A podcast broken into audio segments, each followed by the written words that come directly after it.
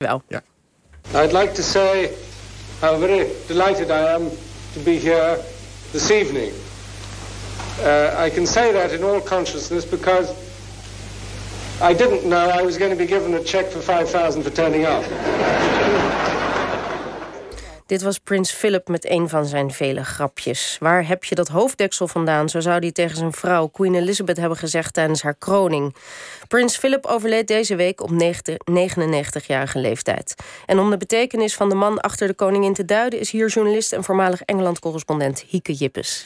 Ja, Hieke, het zat er aan te komen, want het was al een paar keer bijna op het randje met de prins. Eh, bijna 100 jaar geworden. Toch nog een beetje een schok voor je? Ja, toch wel. Ik bedoel, als iemand die zo verschrikkelijk lang um, tot het nationale behang heeft, uh, heeft behoord, als die opeens daadwerkelijk overlijdt, ja, dan is dat toch um, een schok. En voor een heleboel um, koningshuis- en monarchieliefhebbers in Engeland is ligt de schok natuurlijk in. Ach, die arme koningin die moet nu volgend jaar in haar eentje haar platinum jubileum vieren.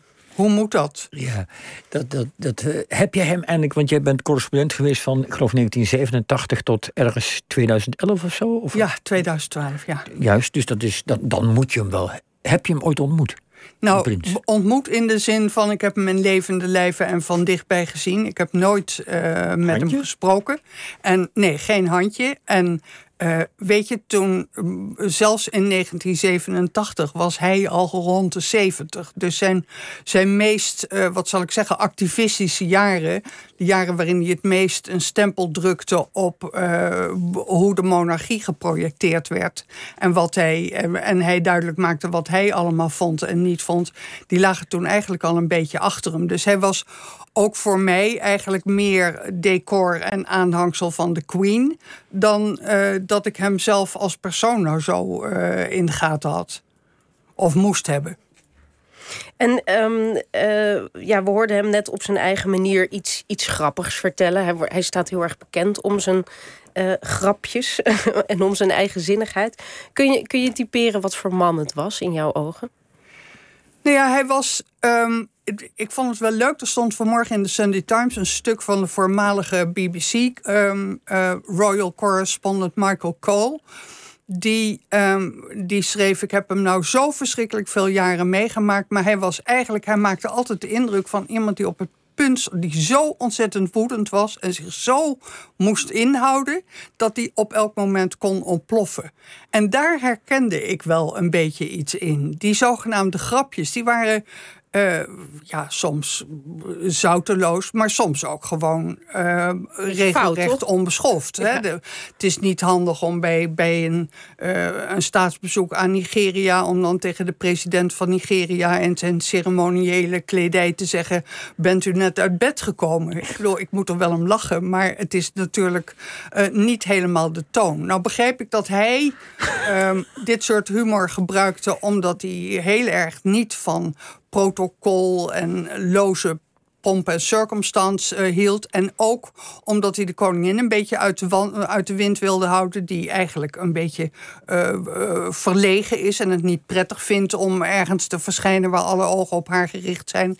Dus hij brak het ijs op zijn eigen manier. Maar je zei net van het komt voort uit een soort van woede ook wel. Of een soort... Nou ja, hij... Um, uh, hij heeft natuurlijk, hij heeft, he, er wordt nu natuurlijk in alle nabeschouwingen wordt de nadruk gelegd op het feit dat hij zo plichtsgetrouw was en alles heeft opgegeven. En he, de steun en toeverlaat van de koningin was ook in haar eigen woorden en vaak uh, herhaald. Maar hij was qua karakter natuurlijk niet iemand die gemaakt was om tweede viool te spelen. En dus, altijd een paar stappen achter zijn vrouw te lopen. Dus die grapjes zijn een vorm van zelfregulatie, hè? zelfcensuur, om op die manier de woede een plek te geven. Als je naar ze kijkt, ze trouwen in 47, Philip en uh, de, de Queen. Was hij de droomprins van Elisabeth en ook van de koninklijke familie? Nou, wel van Elizabeth, die hem vanaf haar um, op haar dertiende jaar uh, al uh, in uh, de smiezen had. Toen kwam de oorlog tussen beiden. Um, Philip was, werd gezien als een Duitser, dus niet echt handig tijdens de Tweede Wereldoorlog. Maar hoezo een Duitser? Nou, hij, hij, was van, hij was van Duitse afkomst, al was zijn Duitse familie um, omgevormd tot uh, het Koningshuis van, uh, van Griekenland. Maar hij was minder Grieks dan, dan wel Duits en zelfs ook Deens. Zijn overgrootvader was de koning van, van Denemarken. En uit dat Deense Koningshuis zijn toen mensen geplukt om de monarchie van Griekenland te maar, bevolken. Okay, maar, hij werd dus gezien als een, als een Duitser. Hij had geen cent. Hij werd gezien als uh, een beetje een, een fortune um, uh, hunter. Um, uh, Mountbatten, de, zijn oom, heeft heel erg gearrangeerd dat hij inderdaad met Elizabeth zou trouwen. Maar er zijn de, de diplomaat uh, Harold Nicholson bijvoorbeeld, en hij was niet de enige, die rapporteerde in zijn dagboeken um, dat uh, de ouders van Elizabeth Philip op het eerste gezicht rough, uneducated and probably serially unfaithful uh, achten. A bit of a chancer. En de hofhouding, de traditionele hofhouding toen nog, die hadden het over, over Phil the Greek en uh, That German. En hij was natuurlijk ook niet naar Eton geweest. Dus hoe kon hij ooit een echte Engelsman worden? Maar over dat unfaithful, want um, er wordt nu ook wel gezegd... Hè, het was de, de trouwe man achter uh, Queen Elizabeth. Maar hadden ze daar ook wel gelijk in, de ouders? Ja, um, niemand weet dat. Naar buiten toe heeft hij, uh, heeft hij zich zeker altijd uh, onkreukbaar uh, getroond, getoond in, in, in elk opzicht. Maar het was een, een, een, een god van een man toen, hij, toen hij jong was. En er is met name een tijd geweest in de jaren 50 waarin hij met zijn adjudant, de Australiër Mark Parker, op het jacht Britannia een hele lange reis naar Australië Australië en de omgeving heeft gemaakt. Wat daar allemaal gebeurd is, uh, uh, daar zijn veel geruchten over. Die waren voor mevrouw Parker in ieder geval aanleiding om uh, het huwelijk met haar man te beëindigen. Dus er zijn verhalen dat er toen van alles gebeurd is. Maar niemand heeft dat, heeft dat ooit kunnen bewijzen. Het was niet de brave Hendrik die er van hem gemaakt is. Dat is de suggestie, die moet er wel af. Het was, zoals ze dat tegenwoordig in die afschuwelijke term noemen, een mannenman. Een mannenman. Deze mannenman trouwt in 47. In 52 wordt, uh, wordt, wordt uh, Elisabeth de queen. Uh, hoe stond het Koningshuis er eigenlijk voor in die jaren? De oorlog was net voorbij.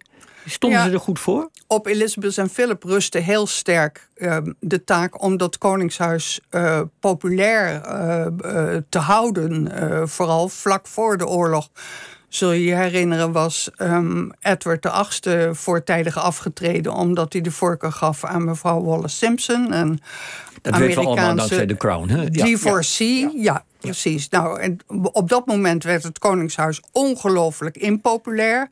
Dankzij het feit dat de vader van Elizabeth en zijn vrouw tijdens de oorlog in Londen zijn gebleven. En ook de enkele bom op Buckingham Palace moesten verdragen. En daardoor het East End recht in het gezicht konden kijken. Zoals de koninginmoeder toen zei. Uh, had het volk weer een, een, een, een, een nauwe connectie met het Koningshuis. De koning was toen zeer populair. Maar die stierf heel erg vroeg en voortijdig. En daar zullen Elizabeth en Philip ook niet opgerekend hebben. Want die dachten ook dat ze een lange ingroeitijd naar het uh, vorstenschap van Elizabeth zouden hebben. ze moesten snel aan de bak, uh, om het wat plat te zeggen. Nu had ik jou aan de telefoon en dan vroeg ik jou van... nou ja, wat is zijn grootste verdienste? Toen zei je meteen... Die film? Onder andere? Dat hij het Koningshuis heeft gemoderniseerd, ja, als het ware. Zeker. Of helpen een modern imago te geven. Want dat is wat anders dan moderniseren misschien. Nee, maar hij heeft het ook gemoderniseerd. Een intercom en afwasmachines en weg met de pruiken. En die fles whisky die altijd wat, naast het bed van de koningin werd gezet. Ja, nee, precies de film. Want ik, ja, de film. Nou ja, de film. Hij heeft, dus, hij heeft op een gegeven moment besloten dat eh, in het tijdperk van televisie dat het tijd was om uh, de koninklijke familie, uh, die daar een beetje zat als een museumstuk zat te verstoffen, zal ik maar in mijn woorden zeggen, om die uh, een beetje aan het volk te tonen als ook maar een gewone familie. Ja. Daar is een, een documentaire van twee uur uitgekomen, die tenenkrullend was als je er nu naar kijkt. Hè, de barbecue op Balmoral en de koningin die vraagt of de sla al klaar is. En, en die een plastic bakje afwast. En dat soort dingen. Ja, we gaan even. We hebben natuurlijk eh, eh, met veel moeite een stukje van gewonnen. Want het Engelse Koningshuis is kennelijk in geslaagd die film uit de relatie te krijgen. Ehm, maar er zijn nog wel een paar stukjes over. En laten we even luisteren naar een, een, een charme, een moment uit dat charme-offensief. De, de film heet The Royal Family. En laten we even luisteren naar een klein stukje. The palace turned to television to help the public to get to know their queen. It is extremely difficult sometimes to keep a straight uh, face. When the Home Secretary said to me, uh, there's, a, there's a gorilla coming in. And uh, so, you know, I stood in the middle of the room and pressed the bell and the doors opened. And there was a gorilla. and I had the most appalling trouble. It was amazing. This was the first time that we'd really heard them talk to one another rather than addressing us. Oh, I love it. Nou, dit klonk toch als een heel geamuseerd stukje uit de documentaire. Wat, wat, weet je nog wat dit specifieke stukje, waar dit over ging? Nee, ik denk dat, ze, dat dit ergens uit, de, uit een zitkamerscène... waar iedereen gezellig op de bank zat, uh, is geplukt... en de koningin vertelde over iets wat, uh, wat zij had meegemaakt. Maar het is natuurlijk problematisch om die familie als gewone familie neer te zetten... kan ik me voorstellen. Ja, en het idee was ook een beetje toen nog, uh, midden jaren zestig, de ideale familie. Hè? Het, uh, het voorbeeld voor het land. Ja, en de ideale familie, dat is natuurlijk heel erg niet het geval gebleken in uh, de decennia uh, daarna. Als het gemiddelde is dat, dat ik geloof net onder de 50% van de huwelijken mislukt dan, dan zit de koninklijke familie uh, daar uh, ruim boven. Drie van de kinderen van Philip en Elizabeth zijn um, gescheiden. He, dus dat, nou ja, plus alle bekende verhalen over Diana en Charles en nu weer Meghan en Harry. En zo gaat het eindeloos door. Ja. Maar die film, de poging het modern menselijk gezicht te geven... van wij zijn ook maar mensen, eh, kijk maar eens hoe wij leven... heeft dat geholpen?